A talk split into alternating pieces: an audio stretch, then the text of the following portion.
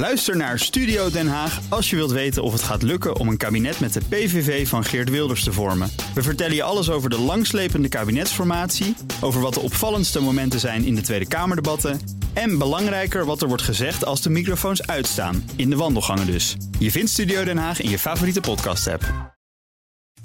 De column van Jaap Jansen. In de kabinetsformatie waren VVD-leider Mark Rutte, Sibrand Buma van het CDA en Alexander Pechtold van D66 zwaar teleurgesteld toen GroenLinks-onderhandelaar Jesse Klaver definitief afscheid nam van zijn onderhandelingspartners. Vooral Pechtold had zwaar de pest in. Voor D66 was het veel comfortabeler geweest om samen met GroenLinks verantwoordelijkheid te dragen in een kabinet met VVD en CDA. Er was op dat moment een klein beetje hoop dat de Partij van de Arbeid alsnog zou aanschuiven. Zeg nooit nooit, zei Lodewijk Asscher. Maar oud-P van de A-premier Wim Kok waarschuwde. Met negen kamerzetels en twee ministers is hij voor ons geen eer te behalen. Informateur Herman Tjenk Willink, die veel contact had met zijn partijgenoot Kok, verlangde van Asscher een brief. Alleen in geval van staatsnoodrecht zou de PvdA meedoen, schreef Asscher. Daarna wierp rasbestuurder Asscher zijn das af en ging oppositie voeren tegen een kabinet waaraan inmiddels de ChristenUnie deelnam. Aschers stevig linkse oppositie werkt inmiddels door tot aan de pensioentafel, waar deze week de vakbeweging een compromis met kabinet en werkgevers torpedeerde. De FNV durft niet toeschietelijk te zijn als de linkse partijen een pensioencompromis mogelijk afwijzen. Opmerkelijk, want het kabinet ging al veel verder dan de vorige regeringscoalitie met Ascher op sociale zaken. Mensen boven multinationals, riep de PvdA-leider afgelopen weekend op campagnepad in Groningen. Alsof het kabinet het plan om de grote bedrijven te helpen door de dividendbelasting af te schaffen niet al had ingetrokken. De houding van de Partij van de Arbeid doet denken aan die van het CDA tijdens het vorige kabinet. Pas toen er geld te verdelen was, liet het CDA zich weer zien. Verantwoordelijkheidsvakantie noemde premier Rutte dat.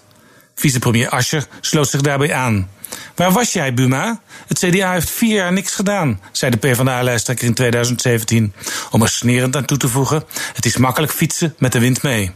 De nieuwe Ascher positioneert zich naast de SP, ver weg van de coalitie. Een opstelling die de SP electoraal al jaren niets oplevert.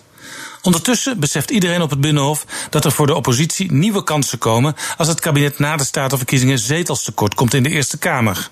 PvdA-lijsttrekker Meili Vos ziet als haar doel daar zo snel mogelijk het kabinet ten val brengen. De kandidaat-lijsttrekker van GroenLinks, Paul Rozemuller, heeft een ander plan dat al zichtbaar is in de Tweede Kamer. Daar weigerde GroenLinks onlangs, anders dan PvdA en SP, steun aan een motie van wantrouwen om Rutte naar huis te sturen. D66-oprichter Hans van Mierlo introduceerde de methode die GroenLinks nu lijkt te volgen ooit als oppositie voor het kabinet. Kritisch volgen en op cruciale momenten te hulp komen. Een methode die later door Pechtold geperfectioneerd is. Compromissen werden voortaan, in het zicht van de camera, gesloten op zijn kamer. De beloning volgde later. Een solide plek op het pluche. Voor GroenLinks, dat nooit heeft geregeerd, is dit een gok. Maar deze nieuwe koers kan geloofwaardiger uitpakken dan de verantwoordelijkheidsvakantie waarvoor Lodewijk Asscher en Meili Vos nu een ticket hebben geboekt. En dat zijn Jaap Jansen, onze columnist op donderdag. En u kunt zijn column terugluisteren op bnr.nl en in de BNR-app. Ook Diana Matroos vind je in de BNR-app. Ja, inderdaad. Je kunt live naar mij luisteren tijdens de Big Five. Ook handig in de BNR-app. Breaking nieuwsmeldingen, maar ook het allerlaatste zakelijke nieuws. En je vindt in de app alle BNR-podcasts, waaronder Wetenschap Vandaag. Download nu de gratis BNR-app en blijf scherp.